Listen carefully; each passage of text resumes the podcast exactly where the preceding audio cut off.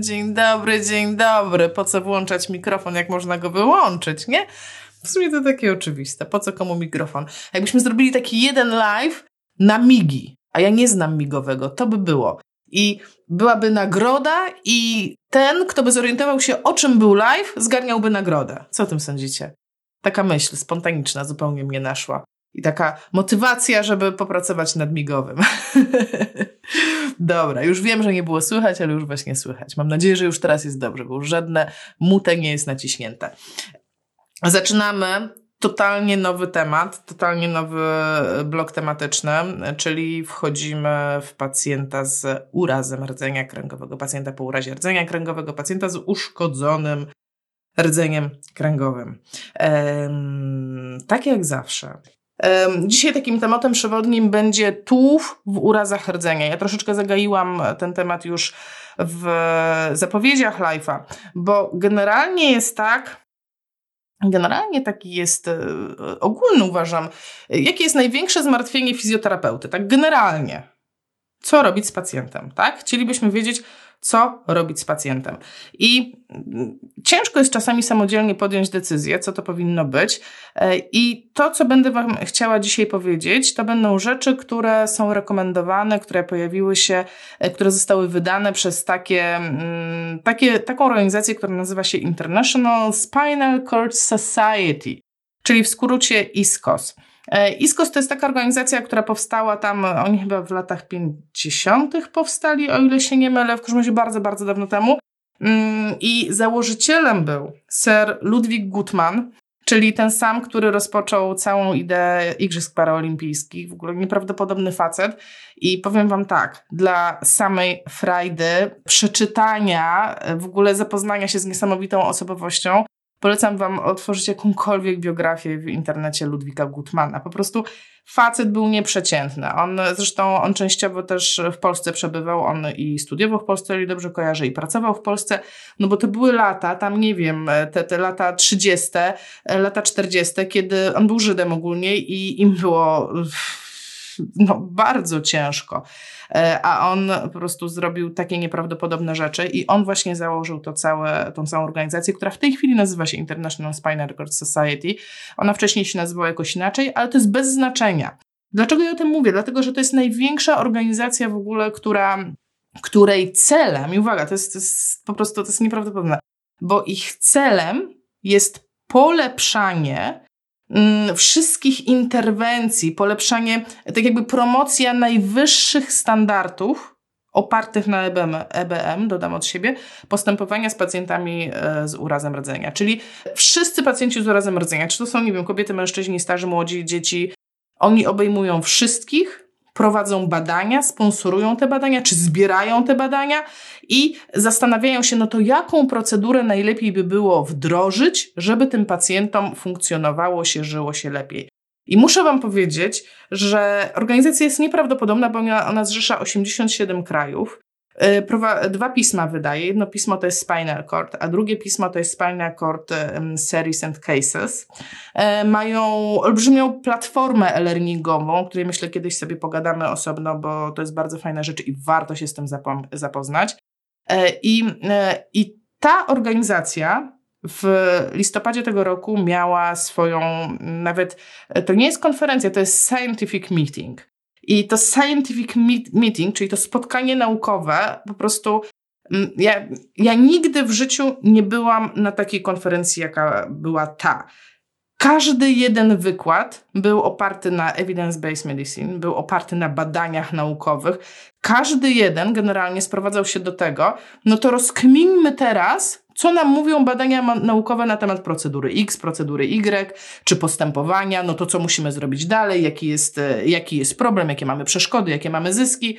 E, I po prostu ja siedziałam tam całe dnie, chodziłam z wykładu na wykład, oczywiście nie byłam w stanie pójść na wszystkie, bo to było w blokach, tak jak i ta nasza kifoska jest organizowana w blokach, czyli jednocześnie tam, nie wiem, leci ortopedia, neurologia, pediatria i tak dalej, to tak tam leciało, jednocześnie leciała, y, o ile dobrze pamiętam, to było tak, jeden blok to była w ogóle płodność i wszystko związane z płodnością. Nieprawdopodobny temat, na pewno będę Wam chciała o tym opowiedzieć e, w przeciągu następnych tygodni.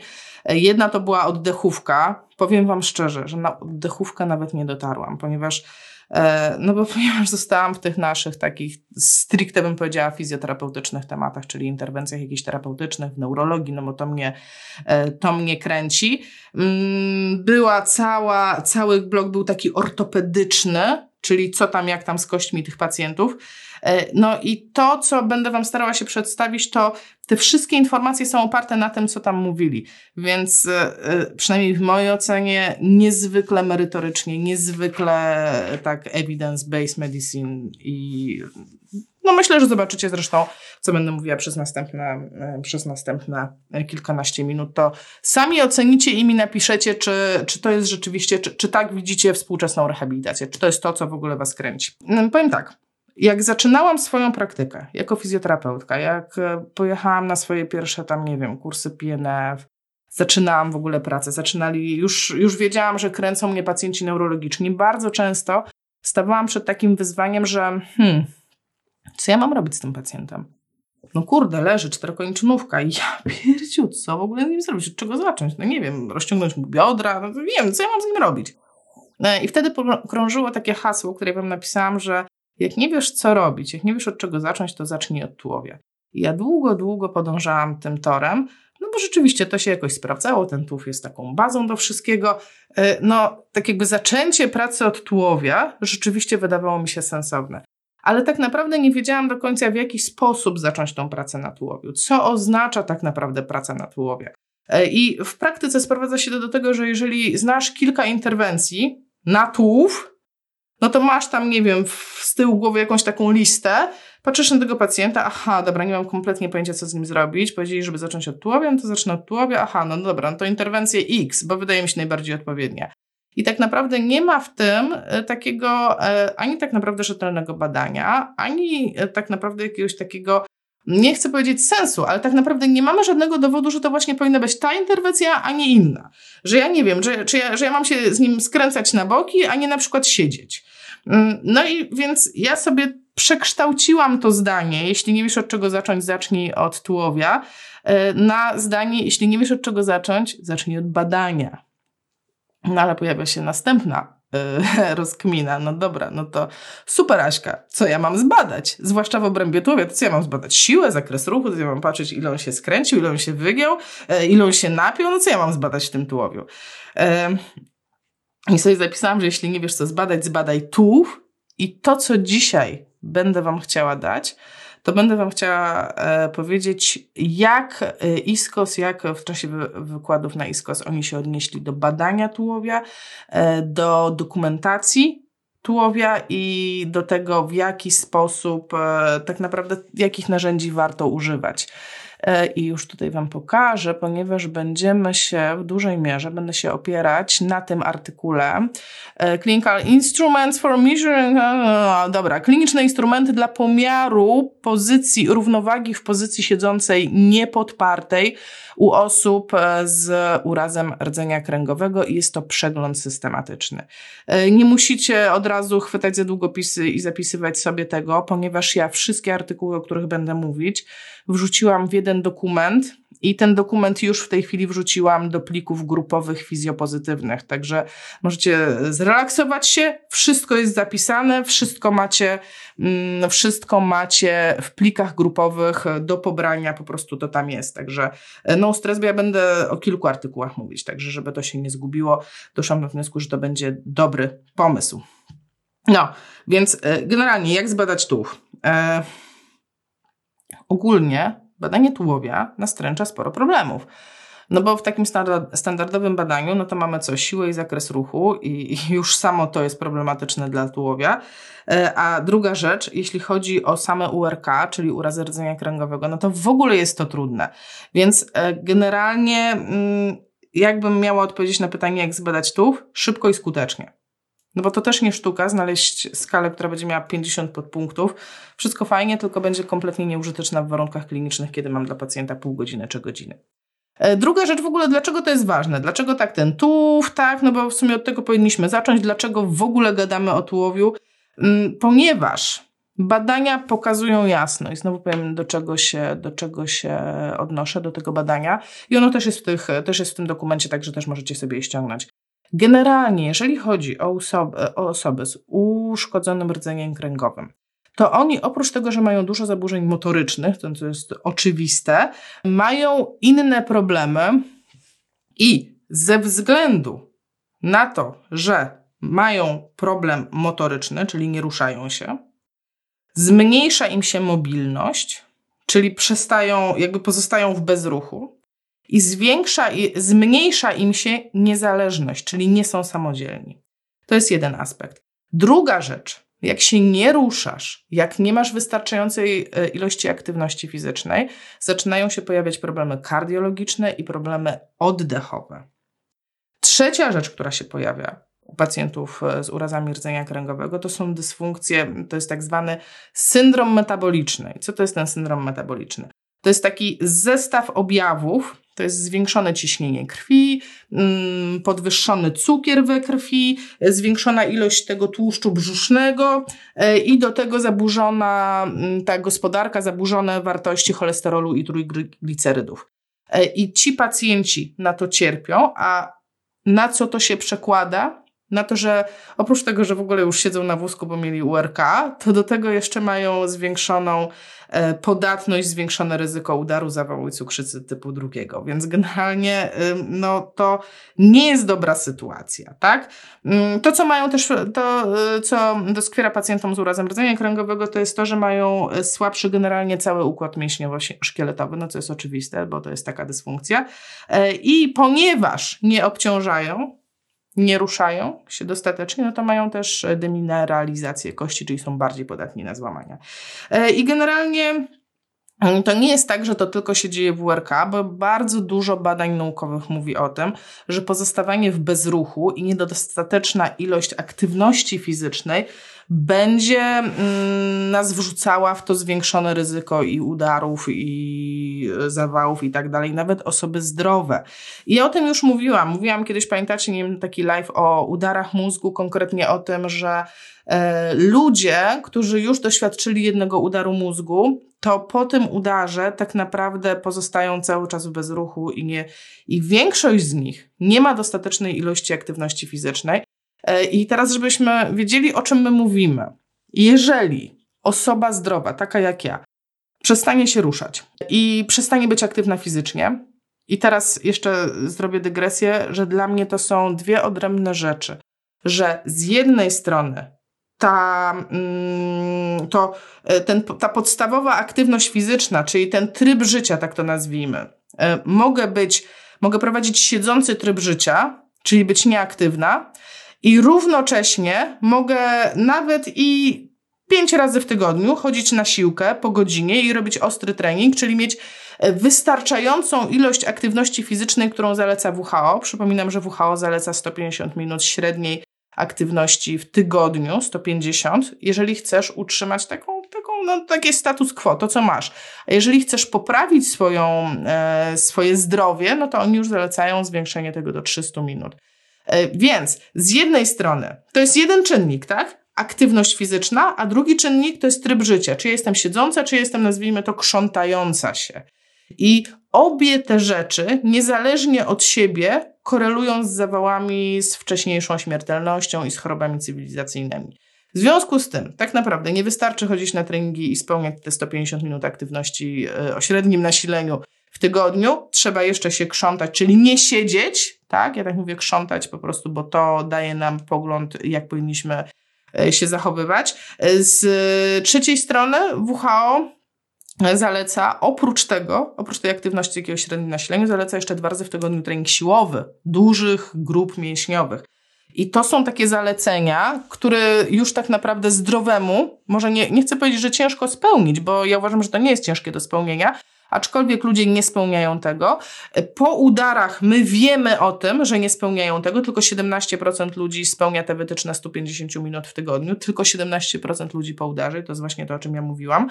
ale kompletnie nie, nie, nie natknęłam się na badania, jak wygląda to uraz uchadzenia kręgowego, jak ci pacjenci, jak ci ludzie pozostają pod względem aktywności fizycznej.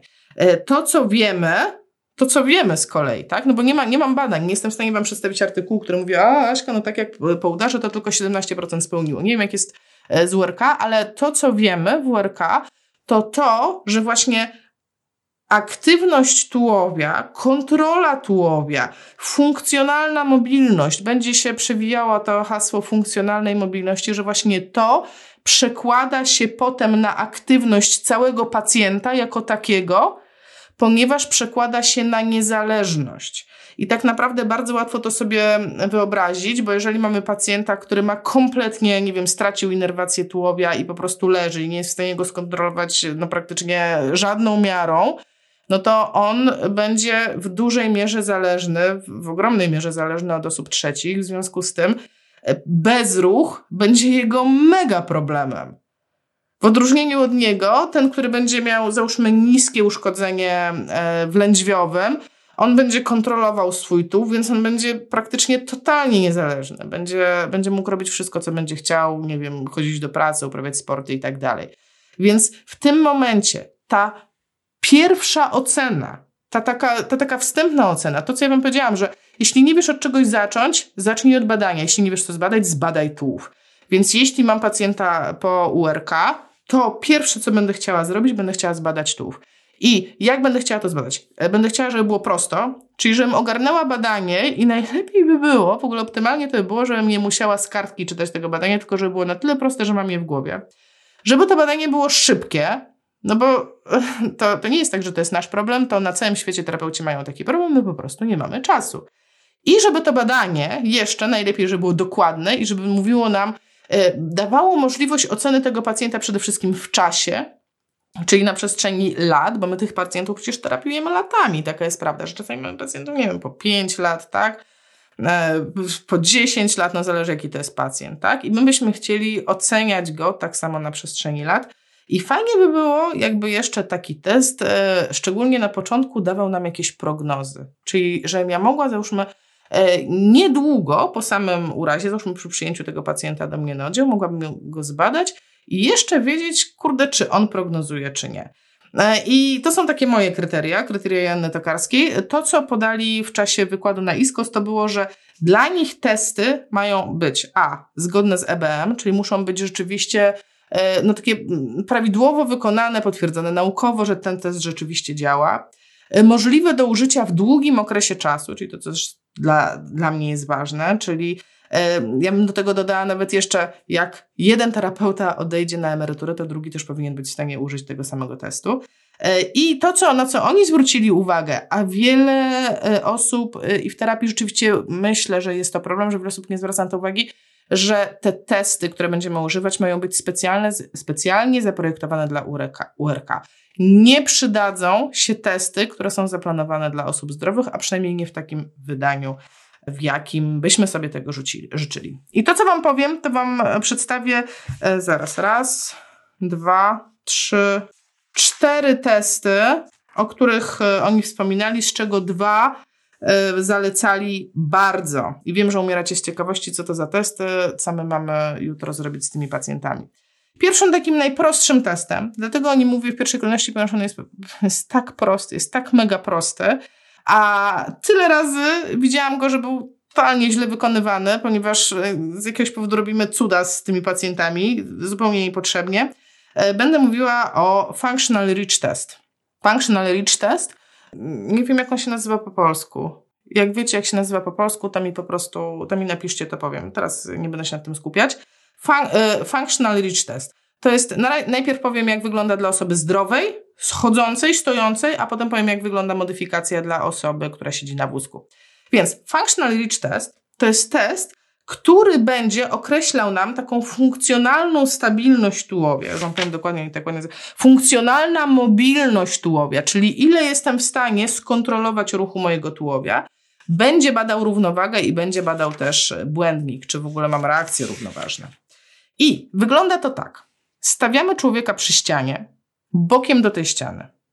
Jeżeli to jest pacjent po udarze, to zdrowym bokiem do tej ściany. Ponieważ to, co będę chciała, żeby on zrobił, to żeby wyciągnął przed siebie rękę.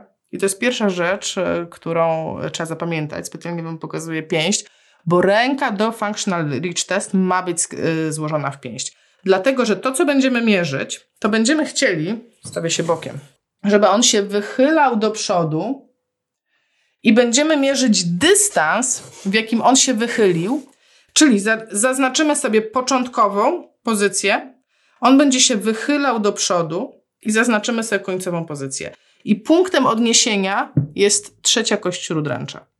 Nie paluszki, trzecia kość śródręcza, bo ona tak naprawdę, o, tak jak popatrzymy, to ona najbardziej wystaje. I teraz pacjent nie ma dotykać ściany, pacjent nie ma stać w kącie, pacjent nie ma mieć nóg w jakiejś określonej pozycji. One mają być jedna, e, że tak powiem, na jednej linii mają być palce. E, to, co jest ważne, to dajemy pacjentowi komendę i komenda jest wystandaryzowana i ona brzmi: sięgnij tak daleko, jak możesz, nie wykonując kroku. Koniec. I tam autorzy zalecają używanie po prostu centymetra albo miarki i taki patent wyczytałam w jednych z badań, którym zresztą Wam podlinkowałam, że oni tą miarkę wręcz przyklejali do ściany y, plasterkiem, pyk, pyk i mamy miarkę na ścianie i w ogóle nie trzeba żadnych kropek, nic tam nie trzeba mierzyć, po prostu widać na miarce, jak on się wysunął. I to jest functionality, a jeszcze y, ile razy go wykonać, y, bo to też jest ważne i to też często nie jest realizowane. A zobaczcie, jeżeli nie realizujemy dokładnie testu, to to, co robimy my, nie będzie później powtarzalne dla drugiego człowieka, ponieważ jeżeli ja, jako Janna Tokarska, załóżmy jestem, nie wiem, na początku swojej drogi zawodowej i w ogóle w życiu nie słyszałam o Functional Reach Test, no nie było na studiach, nie wiem, przespałam, nie pamiętam, whatever. Trafiam pacjenta, ale ponieważ jestem młoda, ambitna, yy, ja chcę prowadzić dobrze tego pacjenta, to natychmiast po dostaniu go wieczorem wklepuję sobie w internet, no to co to jest ten Functional Reach Test, jak go zrobić. I jeżeli ta poprzednia osoba robiła to po swojemu, a ja zrobię tak, jak znalazłam w internecie, czyli tak prawidłowo, no to nasze wyniki się rozjadą niestety, więc nie będzie tej powtarzalności. Dlatego tak mówię o bardzo prostym teście, e, mówię Wam tak strasznie długo, ponieważ to jest najprostszy, jaki można zrobić, bo on będzie trwał minutę, a jak go dobrze zrobicie, to będzie powtarzalny i będzie użyteczny. Więc mamy tego pacjenta, on stoi, ma y, dłoń w pięść, Wy jesteście po prostu uzbrojeni w miarkę, w pomiary, tak, wiadomo co mierzymy, on wie, że nie ma robić kroku i teraz będzie sięgał pięć razy. Five.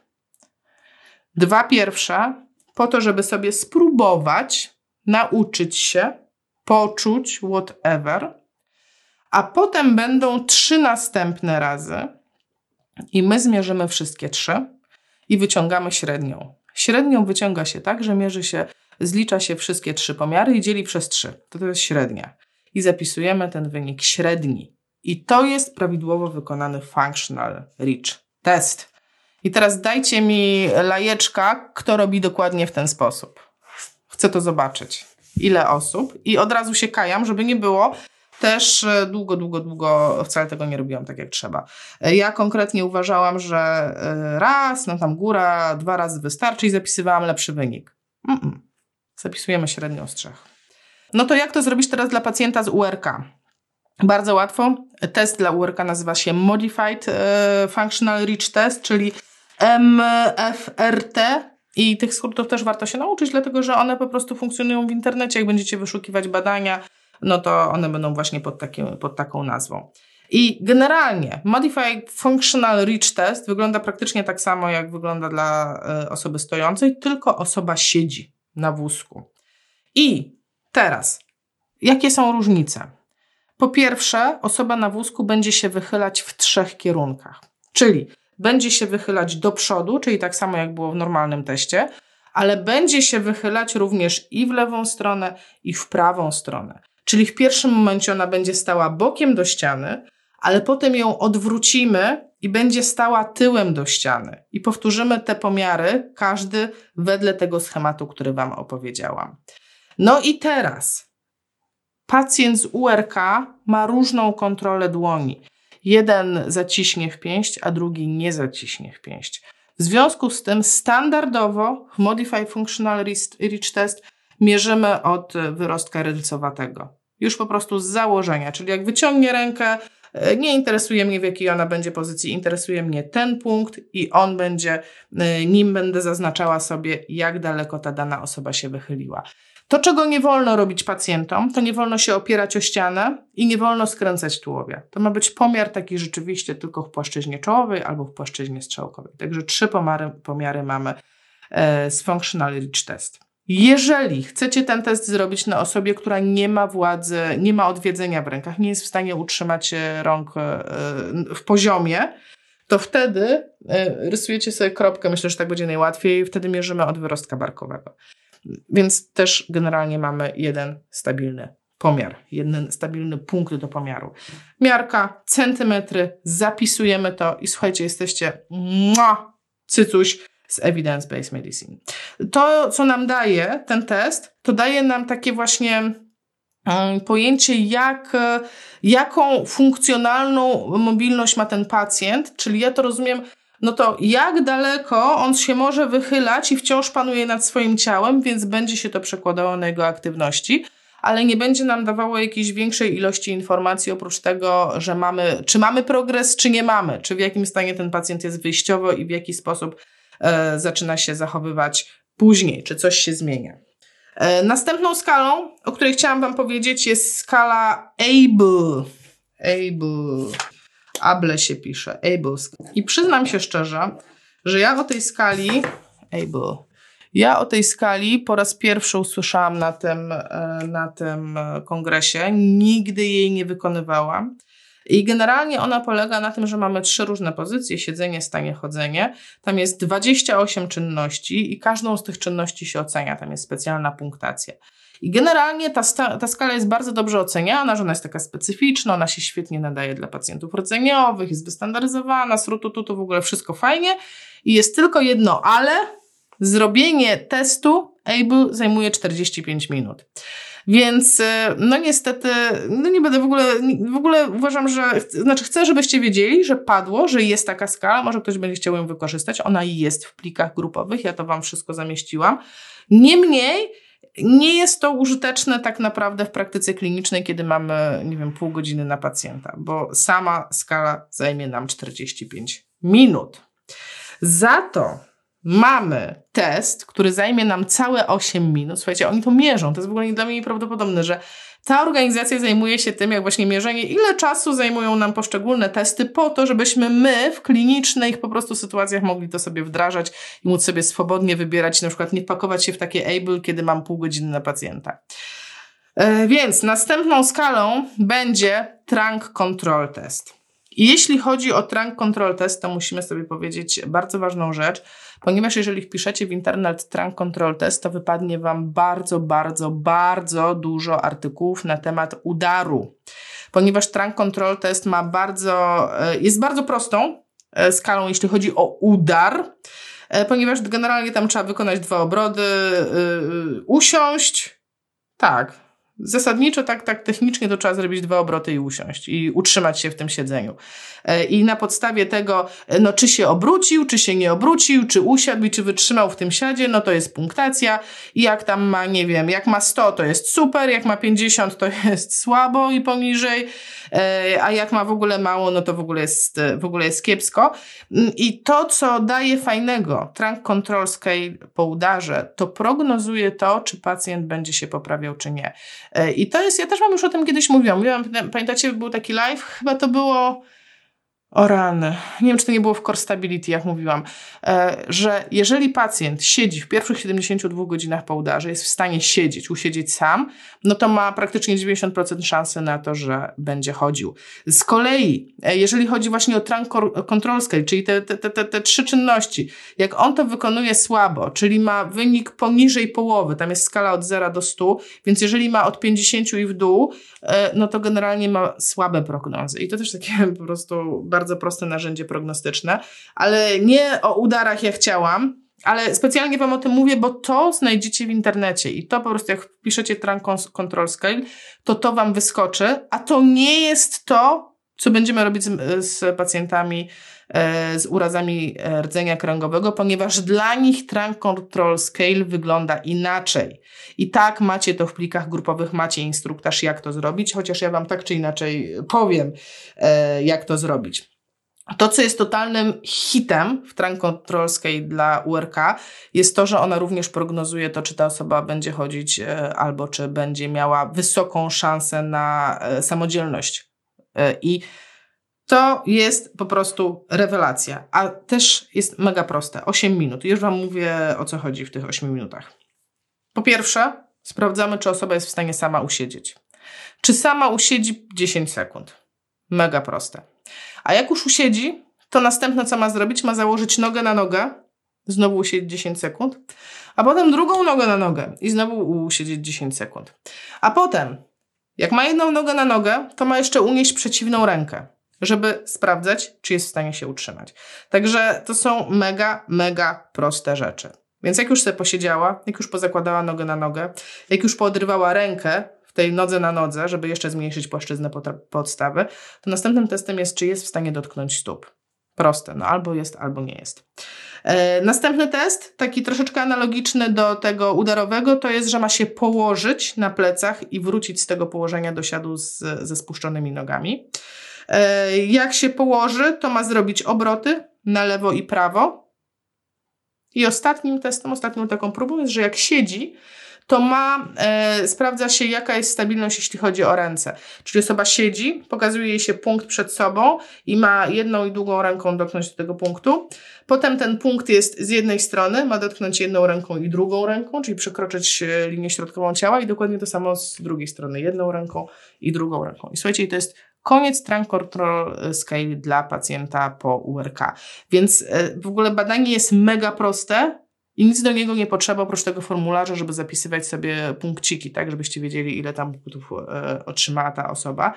I dlaczego jest hitem? Dlatego, że wyda- oprócz tego, oprócz tej informacji, czy pacjent będzie się poprawiał, czy nie będzie się poprawiał, jak on sobie, jak on e, generalnie zmienia się w trakcie naszej terapii, no to to daje Wam tą wartość prognostyczną na samym początku, jak zaczniecie, jak on dobrze będzie wypadał w Trunk Control Scale, to po prostu ma dobre prognozy. I to jest rewelacyjne. I ostatnią skalą, o której chciałam Wam powiedzieć, to jest skala, którą oni de facto, e, tak jak rozumiem z artykułów, oni to sami wymyślili i sami zbadali. To się nazywa Sitting Balance Measure, czyli pomiar e, w pozycji, e, pomiar równowagi w siadzie, o tak by można było po polsku. I też macie podlinkowany artykuł, w którym jest to badanie opisane.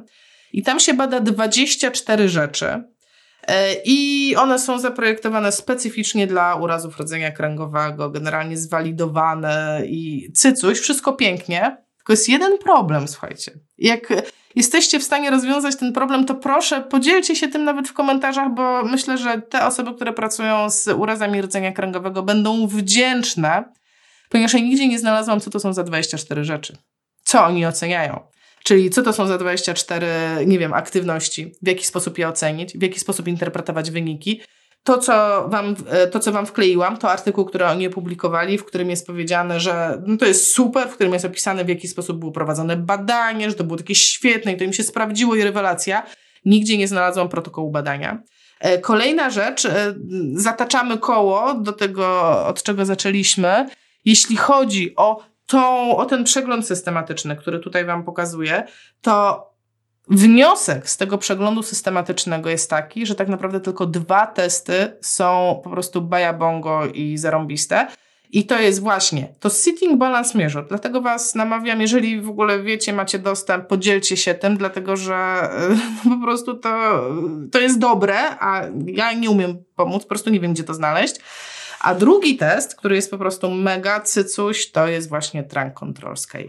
E, trunk Control Test, czyli to, co Wam opowiedziałam, to, co z tym, e, to, co się różni o udarowców, więc żebyście sobie nie pomylili, żeby teraz nie testować e, URK tym, co się testuje, tym, co się testuje udary, tak? Dwa różne testy, chociaż ta sama nazwa. I, I te dwa testy tak naprawdę najbardziej opłaca się używać. Dlatego Wam powiedziałam jeszcze o Functional Reach, ponieważ jest mega prosty i jego można wdrożyć od, od jutra, E, I z premedytacją, nie mówiłam Wam o wszystkich innych testach, które funkcjonują w ogóle w naszym fizjoterapeutycznym świecie, typu, nie wiem, skala Berga, jakieś tam, nie wiem, film i te inne, dlatego że one nie odzwierciedlają e, równowagi, nie odzwierciedlają kontroli tułowia. E, i także nie nadają się w dużej mierze dla pacjentów z URK. Więc jeśli chcecie być tak naprawdę świeżutko z EBM, bo to jest, są informacje z listopada zeszłego roku, ja e, miesiąc to trawiłam sobie, zresztą jakieś tam inne rzeczy kończyłam, żeby zacząć Wam o tym opowiadać. Było oczywiste, że zacznie się jakiś cykl taki urazów rdzenia. E, więc e, słuchajcie, mam chwilę, luknę sobie w komentarze, bo to jest wszystko, co wam chciałam powiedzieć. Mam kilku pacjentów z paraplegią, tułów jest bardzo ważny u paraplegików. I przy niekompletnej tetraplegii też pracuję z tułowiem. Przede wszystkim po to, aby poprawić pozycję siedzącą, a lepsza pozycja siedząca to lepsza technika napędzania wózka i mniejsze obciążenie ramion. To jest jedna rzecz, ale zobaczcie, że te testy, tak naprawdę one nie badały stabilności, y, stabilnej kontroli, tylko tak naprawdę tych autorów i przełożenie na funkcję jest dopiero wtedy, kiedy on ma mobilną kontrolę, bo to mu daje możliwość, że wychyli się, sięgnie po szklankę i się napije, że e, podjedzie, nie wiem, do, teraz w moim mieście jest tak, że oczywiście połowa rzeczy jest niedostosowanych dla niepełnosprawnych, ale to chociaż takie dzwonki wywiesili, że można podjechać pod, nie wiem, pod biuro, pod urząd miasta i zadzwonić się dzwonkiem, urzędnik wyjdzie. No ale to nastąpi wtedy, kiedy ja jestem w stanie na tyle się wychylić z łóżka, z wózka, wózka, jeszcze podnieść rękę, żeby dosięgnąć do tego dzwonka. E, wszystkie rzeczy związane z przesiadaniem się, e, korzystanie z toalety, to wszystko tak naprawdę zależy od mobilności, a nie stabilności. E, I tak wiem, stabilność jest tym pierwszym, tym pierwszym krokiem, jeśli myślimy o kontroli motorycznej. Oczywiście, że tak, tak, ja teraz nie wchodzę w meandry terapii, tylko w to, co daje najwięcej przełożenia później na funkcję tego pacjenta. E, nie ma mocnego tułowia, nie będzie chodził. Dokładnie, będzie szukał kompensacji gdzie indziej i uczył złych wzorców. E, tak, ale ja tu tak czuję silny powiew udaru u URK troszeczkę inaczej na to patrzymy, e, w sensie WR, WRK my się tak strasznie nie była kompensacji, bo ta kompensacja jest jego życiem w tym momencie. E, no dziś to będę na 200%. Cześć Gosia. Proces tułowiem. Hmm, wszystko zależy od możliwości pacjenta. Ale tak najprościej to może oporowanie przy przewrotach na macie, spychanie lub pociąganie, masywne zgięcie, łokieć do pępka, wsiadzie wytrącanie w kontrolowanych warunkach, może coś z pozycji mo mostka, dokładnie. E, nie przebrnęłam, może nie znalazłam jeszcze badań w tym temacie, ale taka ciekawostka jest właśnie, bo, bo to jest właśnie dlatego warto jest śledzić badania naukowe, bo to, co napisała Gośka jest takim typowym problemem terapeutycznym, typowym, to co ja mam robić z tym pacjentem. I na przykład w udarach, to my wiemy, i też o tym mówiłam na live'ie, e, to mają być pozycje pionowe, czyli siedzenie albo stanie, i to mają być wychylenia, i te wychylenia mogą być również na niestabilnych y, powierzchniach, czyli można go posadzić na berecie. I to pokazuje evidence base, że pacjenta udorowego nie kładziemy na plecy i nie robimy z nim core stability, nie wiem, na przykład metodą Pilatesa. Po prostu tego nie robimy, bo to jest nieskuteczne. Tak po prostu. To się nie przekłada i to pokazały badania. E, nie spotkałam się jeszcze, co będzie najskuteczniejsze, ale będę mm, przechodzić przez wszystkie wykłady, które były, więc może, może, może, może, może, jak e, macie jakąś wiedzę na ten temat, linkujcie, słuchajcie, pomagajmy sobie, na tym to polega. E, dalej, jeśli dotyczy kończyn dolnych, dużo pracy z kończynami górnymi, wykorzystuje to, co działa i kombinuje, jak się na tułów. Dokładnie. Mięsień piersiowy, mięsień praca, tak, witam, witam, cześć, cześć, cześć, cześć, cześć, cześć. Słaby tułów, problem z chodzeniem i kompensacje. Tak. Mhm, super, bo mam teraz pacjenta czterokończynowego. Kasia, to ja mam nadzieję, że jutro go zbadasz czymkolwiek, ponieważ ten e-functional reach test e, on był również dla pacjentów e, z szyjnym uszkodzeniem e, walidowany, także spokojnie możesz go zbadać, materiały znajdziesz na grupie. Mm, tak, w KIF w książeczce jest, a nawet nie zaglądałam, co książeczka KIF mówi na temat mm, badania tułowia. Pięć razy i nie z pięścią. Pięść ma być z pięścią. nie robiłam. Wiem, że nie robiliście, ja też nie robiłam. A może się zgiąć w biodrach przy tym teście pierwszym. E, mam na myśli, czyli functional reach test, czy on ma, on ma się zgiąć w biodrach, tak? No bo to, no bo to jest generalnie ruch w biodrach, to, więc tak. Tak bym powiedziała, jeżeli to o ten test chodziło. Hmm, na studiach nie było, u mnie też nie było, popatrz. Tyle, że pamiętam o jednej próbie i zapisywaniu jednego wyniku. Dokładnie, dokładnie. Ja się tego nauczyłam też, gdzieś tam na kursach się pojawiło. I ja też robiłam jedną próbę i zapisywałam jeden wynik, dlatego właśnie robię ten live.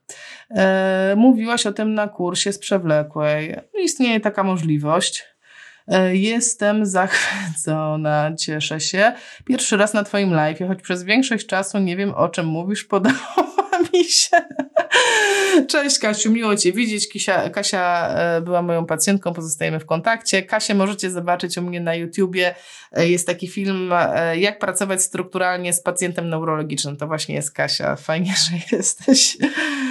Cieszę się, że nie masz pojęcia o czym mówię. Kasia, trochę się działo ze starych czasów nad tułowiem. A, widzę, że y, no, że Gosia też się też się znacie. No dobrze, moi drodzy, dziękuję Wam bardzo. Cieszę się, że byliście ze mną na tym, e, na tej inauguracji rdzeniów e, URK. E, czekam na komentarze, piszcie, komentujcie, jak macie jakieś artykuły, to linkujcie je. Pomagajmy sobie, bo uważam, że dużo, dużo tak naprawdę brakuje nam jeszcze wiedzy, jeśli chodzi o URK i jeśli chodzi o postępowanie oparte na evidence-based medicine. Tymczasem, mua!